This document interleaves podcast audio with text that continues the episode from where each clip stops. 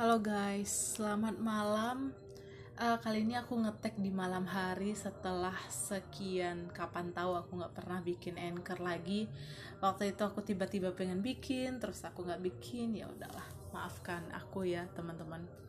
Nah malam ini aku kebetulan ada waktu dan kepikiran pi kepikiran pengen pengen pengen bikin anchor bikin anchor bikin podcast maksudnya pengen bikin podcast dan aku nggak ada ide apa-apa. Aku lagi scroll uh, website apa web blog blogger blog blogger kan?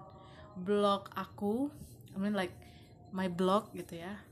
Kalian bisa cek kalau mau uh, baca juga di irmamardia00.blogspot.com nah aku lagi nge-scroll dan kayaknya aku pikir ah bisa nih aku bikin aku bacain gitu ya. Untuk teman-teman yang mungkin belum pernah baca tulisan tulisan-tulisan di sini dan aku pengen mem, apa ya namanya memvokalisasikan gitu atau menceritakan retelling dari eh, artikel-artikel yang pernah aku buat dan aku ngerasa kayak kok bisa ya aku nulis ini? gitu tapi nggak mau over proud juga sih tapi ya gitu deh pokoknya pengen baca aja intinya. Oke. Okay. uh, di sini aku baca yang judulnya menjadi korban bullying itu rasanya. Titik titik titik. Kayaknya waktu itu aku lagi galau kali ya. Oke. okay. 24 April 2019 Malam ini sambil mendengarkan musik rileks dari Monoman yang terus mendayu. Pikiranku melayang jauh ke masa lalu, mengenang 22 tahun kenangan yang telah dilalui. Mencari beberapa kisah inspirasi yang akan membuat aku lebih mensyukuri hidup dan hal-hal yang telah terjadi. Well, mungkin tulisannya akan terlihat seperti diary yang isinya curahan hati dan kekalutan otak yang menagih untuk ditumpahkan. Oke, bagi kalian yang memutuskan untuk lanjut membaca cerita ini, bacalah saat kalian punya waktu, because this story will be a long story and emotional story, I guess. Cerita ini berawal ketika tahun 2004, kalau aku tidak salah mengingatnya. Aku bersekolah di sebuah sekolah dasar di salah satu kota juga. Aku memang baru pindah ke kota tersebut, karena kebetulan orang tuaku bekerja di sana. As a new student, aku merasa sangat takut untuk bertemu teman-teman baru. Guru-guru baru, lingkungan baru yang mungkin akan tidak cocok denganku. Aku menjalani hari-hari seperti selayaknya anak sekolah dasar lainnya.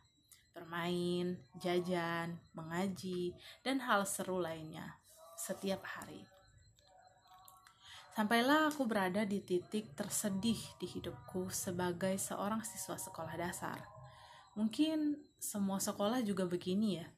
Tidak lain dan tidak bukan, I got bullied by my friends. Yes, I don't know how it started. Dan aku nggak tahu kenapa mereka membuli orang yang lemah seperti aku. Memang aku bukanlah seorang siswa yang pintar atau cantik gitu ya, bahkan kaya. Kau bisa bilang aku adalah siswa yang biasa aja, dan kadang sering mendapat nilai jelek pas ujian bukan karena bodoh tapi karena aku nggak tahu aja gimana caranya belajar. Yang belakangan aku sadar beberapa tahun kemudian. Oke. Okay. mari aku ceritakan detail how they treat me like I was not a human. Sama seperti sekolah pada umumnya. Di kelas pasti ada ada yang siswa-siswa yang merasa kuat dan ditakuti. Biasanya mereka berkumpul dalam geng beberapa siswa laki-laki dan perempuan gitu Mungkin mereka merasa aku adalah sasaran empuk untuk dibully. Dan they did it. Beberapa siswa laki-laki tak jarang menendang bokongku sampai-sampai rok merahku selalu kotor dengan debu-debu sepatu. Mereka tak jarang menyembunyikan alat tulis, tas, bahkan dasi atau topi yang harus dipakai setiap harinya. Bahkan salah satu dari mereka pernah membuang tasku ke dalam got dan akhirnya tas dan buku-bukuku basah dan harus kujemur sendiri di belakang sekolah. Ya, tak jarang seperti sebagai anak SD ya, aku menangis sambil uh, di, di belakang sekolah adalah tempat yang biasanya aku untuk menangis gitu. Tapi tidak semua teman di kelasku itu sejahat itu. Ya, mereka juga nggak berani sih membela aku karena takut dibully juga ya. Jadi aku harus menghadapi sendiri orang-orang jahat yang butuh hiburan itu. Aku berpikir keras bagaimana melawan mereka agar mereka berhenti memperlakukan aku seperti itu. Suatu hari, aku memberanikan diri untuk melaporkan hal ini ke wali kelas. Tapi sayangnya wali kelas tak terlalu menindaki hal ini. Yang ada mereka tambah geram dan aku semakin dibully. Sempat terpikir untuk berhenti sekolah, namun melihat perjuangan ibu membuat aku bertahan sekuat tenaga. Aku merasa menjadi orang terbodoh di dunia. Aku tak bisa mengerjakan soal matematika di papan tulis. Sampai guruku mengatakan aku tolol. Diikuti sama gelak tawa teman-teman di kelasku. Aku pernah menanyakan pada mereka, mengapa mereka membuliku? Kamu tahu jawaban mereka apa? Kami membulimu karena kamu itu jelek. What? karena seseorang jelek jadi pantas untuk dibully, pantas untuk diperlakukan tidak adil. Mungkin mereka tidak kenal yang namanya hak asasi manusia ya, yang belakangan sangat kuhafal pengertiannya sampai sekarang. Tapi mereka memang antagonis. Aku nggak bisa menjawab satupun soal sejarah sampai aku mendapat ranking 2 di bawah di kelas aku gitu. Aku paling banyak mendapatkan nilai merah di rapot. Ya prinsipku waktu itu asal naik kelas aja sih. Aku mencap diri sebagai siswa bodoh siswa jelek yang sering diejek siswa miskin yang setiap harinya harus berjalan jauh ke sekolah nunggu angkot dan tak jarang terlambat karena angkotnya nggak lewat-lewat. Aku adalah siswa paling dibenci di kelas dengan minim prestasi. Sampai akhirnya UN dan sampai akhirnya UN dan aku mendapatkan nilai terendah di matematika dan bahasa Inggris. Guruku sampai bilang kalau aku hanya lulus percobaan. Can you imagine that? Untuk seorang siswa SD yang masih kecil gitu ya, aku merasa takut jika harus mengulang UN tahun depan. Yang mana berarti aku harus bersekolah lagi satu tahun ke depan. Pokoknya itu adalah the worst part of my life Masa kecilku dipenuhi dengan tantangan-tantangan besar yang harus kulalui sebagai anak kecil. Krisis mental, dan juga cacian dan makian dari lingkungan, sampai aku tumbuh menjadi anak yang pemurung dan menutup diri. Masa sekolah dasarku berakhir dengan kisah buruk yang masih teringat sampai sekarang. Akhirnya, setelah tamat sekolah dasar, aku memutuskan ikut bibiku pulang ke kampung halaman. A new journey began here. Aku bertekad melupakan masa-masa burukku di sekolah dasar dan membuka lembaran baru, membuat kenangan baru di sekolah baru di kampungku. Karena aku pikir anak-anak kampung pasti akan lebih baik daripada anak-anak kota. Dengan berat hati, ibuku merelakan aku pulang bersama bibi. Ibu berpesan agar aku melanjutkan sekolah di kampung dan jangan sampai putus sekolah. Ku jawab ibu dengan senyuman, pasti bu. Akhirnya aku pulang ke kampung dengan perasaan bahagia. Aku tak akan menginjakkan kakiku lagi di kota yang telah banyak mengukir kenangan buruk di hidupku. Kataku waktu itu. Bye kalian semua, bye kenangan burukku. Singkat cerita, aku tinggal bersama nenek di kampung. Memulai sekolah baru dan mendapatkan teman-teman baru. Hari pertama di sekolah, aku disambut hangat oleh siswa-siswa perempuan yang sangat senang karena kedatangan siswa baru. Aku duduk paling pojok kiri depan, dan di sebelahku duduk seorang siswi cantik berambut panjang. Se sebut saja namanya Lydia. Dia suka pelajaran bahasa Inggris, dan yang pasti banyak digandrungi cowok-cowok karena parasnya yang cantik.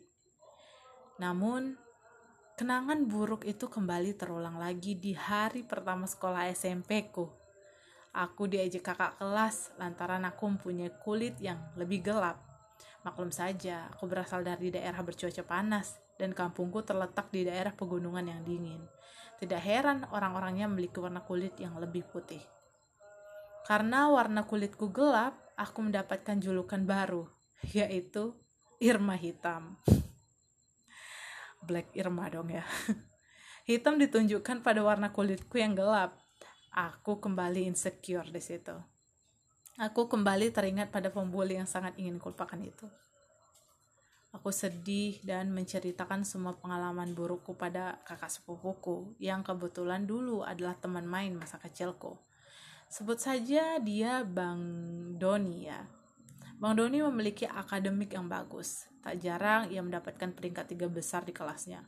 Walaupun dia laki-laki, namun dia nggak sengenakal anak-anak SMP lainnya ya, yang udah mulai merokok atau melakukan hal-hal buruk kala itu. Dari Bang Doni lah aku banyak belajar ia mengajariku bagaimana caranya belajar, yang akhirnya aku terapkan. Dia mengajariku berbagai hal yang sebelumnya aku belum pernah tahu sama sekali. Akhirnya pengumuman juara kelas semester 1 kelas 7B tiba. Aku dipanggil sebagai juara kedua. Aku sangat terkejut dan bahagia. Tak pernah terpikir sebelumnya aku bisa mendapatkan juara kelas karena aku adalah siswa bodoh yang selalu mendapatkan nilai paling jelek di kelas. Aku mendapat piagam dan hadiah berupa beberapa buku yang telah dibungkus dengan kertas kado. Tertulis juara 2 kelas 7B. Wah, aku sangat bahagia dan bangga pada diriku sendiri. Nenekku sangat bangga dan juga tak lupa ku kabari berita baik ini pada ibuku. Beliau sangat bangga dan memintaku untuk mempertahankan peringkatku. Setelah kejadian itu, aku tumbuh lebih berani, menantang diriku lebih jauh. Aku pernah membacakan puisi menyesal milik Khairil Anwar dengan mimik dan intonasi, yang mana siswa lain tidak pernah berani melakukannya. Awalnya teman sekelasku menertawakannya, sampai akhirnya guru bahasa Indonesia kami mengancungkan dua jempol padaku. Diikuti tepuk tangan meriah oleh teman-teman sekelasku. Setelah itu, aku diutus sekolah untuk mengikuti lomba pembacaan puisi sekabupaten. Aku juga bergabung dalam pasukan paskibraka, yang mana hanya siswa-siswa terpilih yang bisa mengikutinya.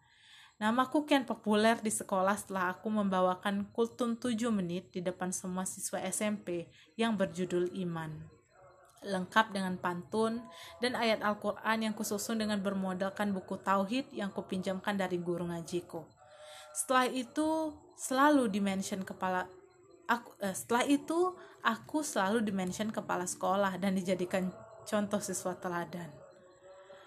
Mimpi apa aku ya tak hanya itu aku semakin populer di sekolah sampai-sampai ke mana pun aku pergi tak jarang adik kelas dan kakak kelas yang ku kenal bahkan kadang tidak terlalu ku kenal menyapaku sampai puncaknya aku dipilih sebagai pembawa acara perpisahan sekolah yang aku sendiri tidak tahu kenapa Bu Guru memilihku. Yang pasti masa masa SMP ku itu sangat indah dan penuh dengan kejutan-kejutan dari diriku sendiri yang tak pernah kubayangkan sebelumnya. Aku seolah membuktikan pada diriku sendiri bahwa aku bisa. Masa-masa sekolah dasarku sangat berbanding terbalik dari masa kelamku selama di Batam. Di sini aku merasa dihargai dan bermanfaat untuk keluarga dan teman-teman. Aku bisa menjadi diri sendiri, aku lebih percaya diri, krisis mentalku perlahan-lahan sembuh. Aku menjadi orang yang baru, yang penuh dengan manfaat. Sekarang, aku menjadi sosok yang lebih bersyukur. Bersyukur Allah telah menempatkanku pada keadaan yang berbeda. Sehingga aku bisa merasakan bagaimana rasanya berada di bawah dan di atas. Pelajaran berharga yang kudapat yaitu Setinggi apa pun posisimu dari orang lain, please jangan jadikan itu alasanmu untuk memperlakukan orang lain sesukamu. Treat others like you want to be treated. Kita kadang nggak tahu kapan kita berada di bawah dan kapan dia berada di atas. Mungkin kalian memang lebih baik dari dia, tapi bukan berarti kalian dengan mudah menginjak dia. Hal ini selalu kutekankan pada siswaku saat aku sempat menjadi seorang guru dulu. Aku menghimbau mereka untuk jangan membuli teman yang lemah. Kubagikan juga kisahku agar mereka lebih paham kalau dunia bekerja seperti itu. Berada di atas memang kadang membuat kita terlena. Sadar gak sadar, kadang kita menindas orang di bawah kita. Tapi Tuhan tahu dan memberikan semua manusia kesempatan yang sama. Mulai sekarang, bagi kalian yang masih mendengarkan ya atau membaca tulisan ini, semoga dengan adanya tulisan ini bisa menjadi pengingat bagi kita semua untuk berbuat baik pada siapa pun tanpa membedakan mereka dari ras, suku, agama, status sosial, fisik, dan yang lainnya.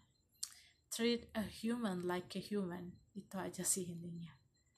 Setelah tulis panjang-panjang sambil menerawang kisah-kisah yang pernah terjadi, ternyata tulisan ini telah memasuki halaman keempat. Which is ini cerita terpanjang yang pernah aku tulis di blog ini so far. Semoga pesan-pesannya dapat tersampai dengan baik padamu dan jadi reminder buatku. Terima kasih sudah mendengarkan. Salam manis, Irma.